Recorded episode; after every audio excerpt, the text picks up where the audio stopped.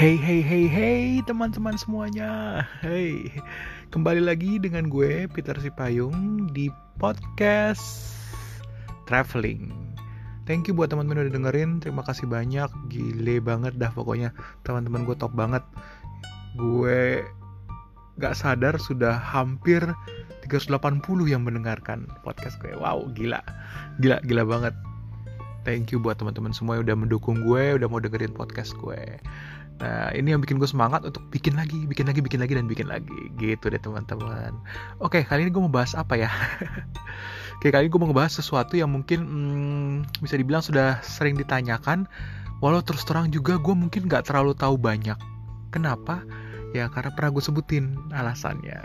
Oke, mau bahas apa sih Pit? Ya gue mau bahas shopping. Terutama di Paris. Yeay. Tuh terutama ya yang ibu-ibu gitu. Yeay akhirnya dibahas gitu. Ya ya ya gue akan coba bahas sedikit sepengetahuan gue ya. Tapi kalau teman-teman mungkin mau tahu lebih detail bisa googling ya karena sekarang memang gampang. Tapi bisa-bisa gue akan ngasih mungkin sedikit uh, apa ya? Ya bukan tips juga, bukan trik juga. Mungkin lebih lebih kepada suggestion mungkin gitu kali ya. Oke jadi eh, kalau kita ngomongin Paris, teman-teman pasti semua langsung kebayang ya toko-toko indah, toko-toko branded gitu. Padahal ya nggak juga gitu. Kalau teman-teman tahu di Paris itu juga memang ada kawasan di mana itu buat belanja yang bawang barang-barang mewah, butik-butik yang mahal, yang bagus. Tapi ada juga tempat-tempat yang memang eh, bisa buat belanja di tempat-tempat yang murah, asal teman-teman tahu daerahnya dan lokasinya, kira-kira kayak gitu. Nah jadi hmm, itu di mana Pit? Ya sebenarnya paling gampang ya kalau teman-teman apa namanya mau belanja di Paris dan sangat apa namanya sangat membantu banget dan memudahkan itu ya apalagi kalau nggak Galeri Lafayette. Yeah. di Jakarta udah ada ya di Pacific Place. Tapi Galeri Lafayette yang ada di Paris tuh memang benar-benar ya surganya belanja gitu. Kenapa gue bilang begitu? Ya karena di situ memang mudah. Jadi mau dapat merek-merek yang terkenal merek-merek yang bagus sampai yang ya agak-agak biasa itu ada semua sih di situ gitu ya. Istilahnya kalau memang eh, teman-teman cuma punya waktu satu hari gitu mau belanja ya udah ke galeri Lafayette aja gitu. Gak usah sok-sok mau muter sana muter sini gitu. Nah galeri Lafayette ini yang gue inget kalau nggak salah itu ada sekitar ada tiga toko ya berdekatan gitu. Jadi ada yang utama galeri yang utama kemudian ada yang buat eh, apa namanya eh, produk-produk rumah tangga sama ada untuk produk pria. Itu jadi ada tiga tempat gitu. Nah, nah yang utama itu yang biasanya yang tempat ya ibu-ibu ya belanja. Sepatu pakaian tas dan sebagainya dan sebagainya. Nah yang pasti teman-teman harus ingat eh, ketika belanja di Galeri Lafayette ini ya harus hati-hati. Karena bagaimanapun semua orang udah tahu seperti pernah gue ceritain di scam dan copet ya. Jadi ini memang sudah jadi inceran. Jadi teman-teman yang mau belanja hati-hati banget jaga barangnya ya.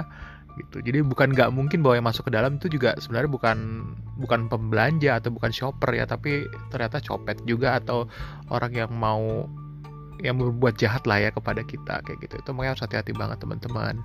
Nah di Galeri Lafayette ini bisa dibilang tempatnya udah oke okay banget mau belanja benar-benar kayak ya udah supermarket lah ya. Bukan supermarket hipermarket mah jadi ya udah gede banget segala macam eh, apa namanya kebutuhan ada di situ. Dan teman-teman juga kalau bilang waduh nanti takutnya di Prancis gak bisa bahasa Inggris.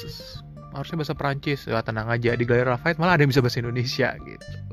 Jadi gue berapa kali ke situ ke belanja gitu begitu kita ya sok-sok pertama pakai bahasa Inggris tiba-tiba langsung where, where you come from langsung Indonesia gitu langsung ya tiba-tiba ada dong yang datang. Halo anda bisa saya bantu? Ya oke. Okay. jadi ya no worry lah gitu kalau memang mau kayak begitu. Kenapa? Ya karena uh, mereka tahu bahwa banyak pengunjung Indonesia datang untuk belanja gitu. Jadi Indonesia Cina Jepang itu dari Asia terutama tiga ini itu sudah ada istilahnya uh, pemandunya gitu ya pramuniaga yang memandu dalam bahasa Indonesia dalam bahasa Cina atau bahasa Jepang. Jadi teman-teman no worry banget. Kemudian juga uh, di Galeri Rafet ini yang gue inget banget itu ada juga namanya tax refund atau detax ya kalau di dalam bahasa Prancis detax. Jadi uh, tax refund ini bisa dilakukan biasanya uh, di luar apa namanya harusnya di airport ya tapi kalau di di Galeri Lafayette ini teman-teman bisa melakukannya langsung di dalam Galeri Lafayette. Nah, refundnya ini kalau nggak salah, kalau gue nggak salah ya gue agak-agak lupa. Kalau nggak salah setiap kita belanja 175 euro, kalau nggak salah 175 euro itu dapat potongan 12% ya. Kalau nggak salah kayak gitu. Tapi nanti mungkin bisa dikonfirm lagi uh, berapa ininya. Tapi yang gue singkat gue 175 euro di atas 175 euro dapat potongan 12%. Jadi langsung dikasih cash ke kita. Nah, itu enaknya kalau kita belanja di Galeri Lafayette langsung dapat. Nah, kalau belanja di tempat lain, teman-teman harus ingat minta formulirnya untuk tax refund, kemudian eh, nanti diisi pada saat sampai di airport nanti teman-teman harus pergi ke daerah lokasi biasanya sih online gitu ya Pablo gitu. Nanti di situ teman-teman bisa masukin, nanti dapat tax refundnya dikembaliin ke kartu kredit gitu, atau bisa milih kartu kredit atau cash dan sebagainya. Gitu sih teman-teman. Nah itulah enaknya kalau di Galeri Lafayette dapat cash lagi bisa belanja lagi ya kira-kira gitu. Nah Galeri Lafayette ini juga bagusnya uh, kalau gue nggak salah ya, gue gue agak-agak lupa itu kalau nggak salah dia punya fashion show juga terus juga ada kayak turnya juga punya restoran yang bagus banget kemudian gue juga inget itu oh gue paling inget tuh di atas. Jadi teman-teman bisa naik ke atas tuh kayak ada jadi bisa naik ke atapnya dan itu bisa lihat pemandangan Paris dari atas Galeri Lafayette gitu teman-teman. Dan Galeri Lafayette ini memang ya luar biasa sih jadi udah udah terkenal banget. Nah tapi kalau teman-teman mau merasakan butik-butik yang oke okay banget jadi ya artinya merek-merek terkenal yang Hermes Wah, atau apa? Yves wah itu teman-teman mau ngerasain. Mereka punya butik-butik sendiri-sendiri tuh. Louis Vuitton. Nah mereka punya butik. Itu teman-teman bisa pergi ke daerah uh, Champs Elysees atau ke Place Place Vendôme ya. Nah dekat-dekat situ tuh teman-teman bisa itu eh, daerah itu berdekatan. Nah terutama Champs Elysees itu memang kayak ya terkenal banget ya sampai ada lagunya itu teman-teman bisa belanja bisa lihat-lihat bisa nongkrong. Nah tempatnya memang memang pas banget dibuat sedemikian rupa untuk memang daerah belanjanya Paris. Nah itu butik-butik mahal tuh semua ada di situ. Nah bisa masukin ya teman-teman. Apalagi kalau mereka tahu orang Indonesia tuh kayaknya langsung wow mata mereka tuh kayak jelalatan gitu. Ini orang Indonesia orang Indonesia karena orang Indonesia memang benar-benar tukang belanja teman-teman. Nah terus bagaimana kalau yang ah duitku nggak terlalu banyak gitu. Nah di sana Malaysia juga ada juga toko-toko yang nggak terlalu mahal gitu ya. Yang merek-merek semi lah yang di Indonesia ada gitu. Singkat gue kalau nggak salah tuh ada H&M atau sejenisnya ya tapi kalau teman-teman memang mau nyari yang merek-merek yang murah gitu ya Zara contoh Zara murah ya. Nah, sebenarnya murah itu kalau di Eropa itu hitungan merek-merek murah ya Zara H&M itu. Nah teman-teman bisa pergi ke daerah namanya Châtelet. Ya Châtelet ini ya kalau di peta Paris itu berada di tengah-tengah. Jadi semua semua biasanya apa istilahnya transportasi metro eh, atau bis itu semuanya di tengah-tengah itu di Châtelet di tulisannya catelet gitu ya. Sorry banget gue mungkin nanti lupa ngasih tahu ya catelet gitu. Nah jadi nah teman-teman tuh bisa ke daerah situ itu daerahnya uh, jadi ada kayak apa sih istilahnya kayak mall tapi mallnya ke bawah tanah. Nah itu di situ di dalam mall tuh banyak juga toko-toko yang ya itu toko-toko yang nggak terlalu mahal atau bisa tuh teman-teman naik ke atas keluar. Nah di bagian luar juga banyak tuh toko-toko yang itu toko-toko yang nggak terlalu mahal tadi gitu ya merek-merek merek-merek menengahnya atau merek-merek murahnya Eropa gitu jadi bisa cari-cari mungkin oh, yang ya barang-barang diskonan yang bisa di bawah 10 euro bahkan mungkin satu euro 2 euro bisa dapat juga di situ pada saat musimnya gitu. Nah, teman-teman nanya, eh kalau apa namanya uh, diskon diskon gitu. Oh diskon itu yang gue inget biasanya yang yang besar tuh diskon musim dingin dan musim panas. Nah diskon musim dingin itu biasanya baru start itu setahu gue uh, di bulan Januari malah. Kalau nggak salah ya di bulan Januari itu baru mulai diskon musim dingin. Sedangkan diskon musim panas itu kalau nggak salah di Juli gitu.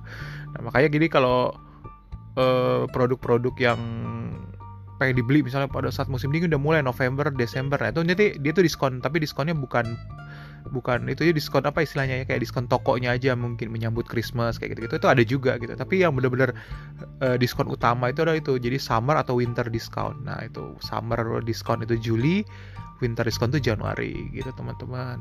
Dan terus oh ya ada juga kalau teman-teman mungkin oh mau cari yang bistro atau uh, yang merek-mereknya Prancis jadi merek-merek Prancis yang mungkin belum tentu terkenal tapi biasanya bagus dan menarik lucu-lucu gitu ya unik.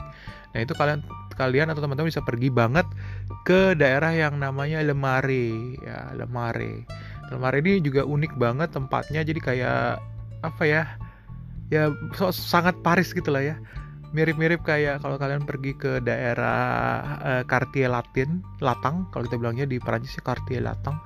Nah ini Le Marais itu juga nggak jauh sebenarnya dari si Champs Elysees ini. Nah itu teman-teman juga itu butik-butik yang kecil, butik-butik yang lucu-lucu itu banyak di situ. Dia itu benar-benar butik-butik pribadinya orang gitu. Jadi punya orang-orang orang Prancis yang jadi belum belum yang terlalu terkenal banget lah, artinya belum yang mendunia, belum yang internasional. Nah, itu teman-teman bisa pergi ke daerah situ juga gitu. Nah, terus uh, yang harus diperhatikan juga, nah ini gue pernah kejadian gue dimarahin sama teman gue. jadi ada seorang teman gue, dia ke Paris kebetulan dia nyampe 1 Mei di Parisnya dan dia cuma sehari itu doang 1 Mei terus dia mau ke Galeri Lafayette ditutup dong terus dia bilang kalau nggak ngasih tahu gue sih kalau satu Mei itu libur? Ya maaf mana kira mana gue apal-apal juga kali ya gitu. Tapi ya akhirnya gue mungkin harus ngingetin teman-teman untuk toko-toko di Paris itu umumnya kayak kita di Indonesia lah buka tuh hampir setiap hari. Uh, kecuali Minggu. Nah kenapa? Ya karena itu di Eropa biasanya minggu itu adalah hari istirahatnya mereka gitu. Jadi biasanya toko-toko itu buka tiap hari dari jam 10 sampai jam 8 atau jam 9 malam kira-kira kayak gitulah. Atau bahkan di toko-toko tertentu biasanya jam 6 udah tutup. Nah untuk hari minggu hanya daerah-daerah tertentu. Jadi mungkin ya Lafayette itu tetap buka kemudian eh, Champs-Élysées ya itu juga tetap buka sih biasanya. Tapi kalau di daerah-daerah lain biasanya minggu tuh tutup. Dan bukunya bukanya juga lebih cep, apa lebih lebih sedikit lebih apa sebentar ya jadi mungkin dari jam 10 mungkin jam 6 sore udah tutup. Nah, itu harus diperhatikan. Nah, tapi untuk 1 Mei teman-teman, nah itu 1 Mei itu kan hari buruh. Nah, biasanya itu hari kesempatan buru-buru tuh untuk protes gitu ya. Jadi jangan lupa bahwa Prancis itu adalah negara yang hobi banget protes, negara yang rewel. Jadi kalau teman-teman yang mau ke Paris itu harus benar-benar dibaca tuh ah, maksudnya situasi kondisinya karena sering banget mereka tuh protes dan demo ujung-ujungnya banyak yang ketutup dan akses nggak ada gitu. Tapi untuk satu memang biasanya mereka akan selalu tutup karena itu adalah waktu mereka untuk ya protes actually gitu memperingati hari buruh. Jadi buru-buru harus protes ya protes dalam arti ya mau menaikkan harkat dan martabat lah menaikkan gaji lah whatever whatever banyak banget tuntutannya gitu.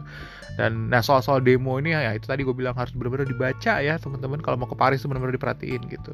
Jadi kadang nanti metronya tutup atau kereta jarak jauhnya tutup. Kadang kadang-kadang malah pesawat atau demo orang yang di airport macam-macam lah pokoknya hobi banget di Prancis ini demo jadi itu yang harus diperhatiin banget. Dan juga uh, selain dari 1 Mei ada kadang-kadang tanggal-tanggal tertentu yang bisa jadi tutup ya udah pasti ya kayak Natal tahun baru itu biasanya kadang-kadang ya itu jadi teman-teman akan susah ya tanggal merah tuh sulit banget untuk uh, banyak toko yang tutup. Tapi umumnya toko-toko yang besar itu tidak tutup gitu. Ada juga tanggal 8 Mei itu Victory Victory Day itu juga biasanya itu hari libur juga. Jadi teman-teman hati-hati itu juga bisa libur. Kemudian eh, 14 Juli ya 14 Juli itu juga hari kemerdekaan kan. Jadi rev hari revolusi bukan hari kemerdekaan. Nah, itu bisa jadi juga banyak yang tutup gitu. Tapi biasanya tutup tuh toko-toko kecil ya teman-teman, bukan toko-toko yang gede. Terus juga 22 Juni ya, yang hari musik itu juga mereka nanti tutup gitu. Jadi memang ada beberapa uh, tanggal-tanggal tuh mereka biasanya suka uh, ya tutup gitu hati-hati aja teman-teman. Ketika datang ke tanggal situ nanti mungkin agak kesulitan gitu. Tapi umumnya ya uh, yang harus diperhatikan itu 1 Mei karena gue bener-bener bang itu gue inget banget gue sampai diprotes. Jadi temen gue nelpon dari Paris cuma bilang kok adek kok tega sih nggak ngasih tahu kalau tutup? Ya mana gue apal kali gitu ya.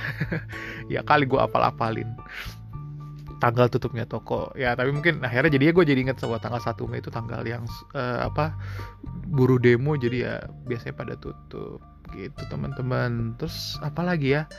Oh ya mungkin udah gue inget tadi di awal tapi gue ingetin sekali lagi please teman-teman benar-benar Paris itu adalah kota dengan sejuta copet juga. Jadi benar-benar ketika teman-teman belanja ya demi kenyamanan keamanan ya tolong perhatikan benar-benar uh, ya uang kartu kredit kayak gitu-gitu disimpan dengan benar kemudian juga handphone gitu ya. Terus juga kalau mau handphone mau foto gitu ya tolong diizin dulu karena banyak juga toko-toko yang nggak mau difoto gitu misalnya gitu. Nah jadi misalnya kan teman-teman mau udah janjian gitu nitip sama orang di Jakarta mau online gitu mau difoto dulu. Nah mungkin ya pilih apa hati-hati izin dulu lah gitu. Soalnya mereka nanti bisa marah gitu minimal izin kasih tahu oh saya mau nelpon atau saya mau foto gitu. Mungkin mereka lebih milih nelpon sih. Biasanya kalau nelpon kan online gitu terus ngeliatin gini ini barangnya bagus atau enggak gitu. Dibandingin foto gitu. Mereka biasa suka agak menolak tuh kalau foto. Nah itu harus teman-teman perhatiin juga. Hmm, kemudian ya kalau mau belanja apalagi titipan make sure udah tahu apa yang mau dititip barangnya ya teman-teman. Jadi barangnya udah tahu gitu. Jadi apa istilahnya ya ya jangan beliin gue Hermes dong kira-kira yang harganya di bawah segini ya jangan kayak gitu. Lo googling lah gitu. Sedikit pinter lah gitu. Googling buka apa sih istilahnya katalognya cari tahu lo gue mau beli yang ini. Udah tahu harga sekian titip gitu. Jangan yang uh, misalnya tiba-tiba tuh beliin gue yang begini. Ampun ampun. Karena gue pernah ada kejadian tapi ini kebetulan di Paris. Jadi ada waktu itu gue pergi sama temen gue ada dong yang tiba-tiba gini eh nitip ini dong pit. Eh, eh bukan ke gue sih kebetulan nitipnya ke teman gue gitu. Jadi nitip uh, jam tip jam merek Seiko kalau nggak salah gitu. Budgetnya 2 juta. Men itu benar-benar ribetnya luar biasa. Jadi kita tuh harus untung waktu itu izin juga ya kita fotoin. Gue atau berapa banyak foto yang kita fotoin kita kirim. Jadi kita menghabiskan waktu cukup lama mungkin sejam lebih deh di toko itu motoin berbagai macam jam Seiko dengan harga di bawah 2 juta. Dan ujung-ujungnya nggak jadi beli. Man you wasting my time you wasting everything gitu. Dan luar biasa gitu. Dan cuman sorry oke okay, sorry nggak nyelamatin nggak nggak apa namanya nggak nyelamatin waktu gue yang terbuang untuk nothing gitu ya. Dan gue nggak suka tuh yang kayak kayak gitu gitu. Itu sebabnya makanya kalau gue sih terus terang teman-temannya gue makanya kadang-kadang suka minta maaf. Gue nggak mau jarang banget gue mau untuk dititipin apalagi barang-barang branded seperti itu gitu loh. Karena ya itu gue nggak suka belanja yang branded branded gue jarang banget masuk ke tempat-tempat kayak barang-barang branded itu walaupun akhirnya pernah gue masukin juga karena penasaran pengen tahu gitu ya atau nemenin temen gue tapi biasanya gue jarang banget. Ya karena itu tadi gitu loh ya itu resiko juga barang mahal. Jadi resiko itu kan gue pegang selama masih di tangan gue kan sebelum gue serahkan gitu.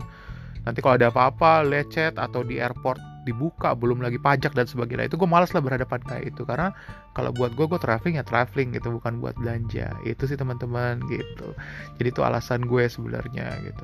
Kalau misalnya nitipnya gantungan kunci kayak gitu ya masih bisa lah gue cover gitu. tapi kalau nitipnya udah barang-barang merek walaupun dengan udah dengan jelas ya merek ini uh, dengan harga sekian ya itu biasanya kalau ini gue cenderung gue tolak sih teman-teman gitu. Jadi sorry banget ya udah dengerin oh pantesan kok kemarin atau sama Peter. Ya itu alasannya gitu karena ya gue malah saja nerima resiko gitu resiko yang ya kan gue jadinya harus bertanggung jawab sama belanjaan teman-teman kan gitu dan dan buat gue itu ya gue nggak suka aja menerima resiko itu gitu ya.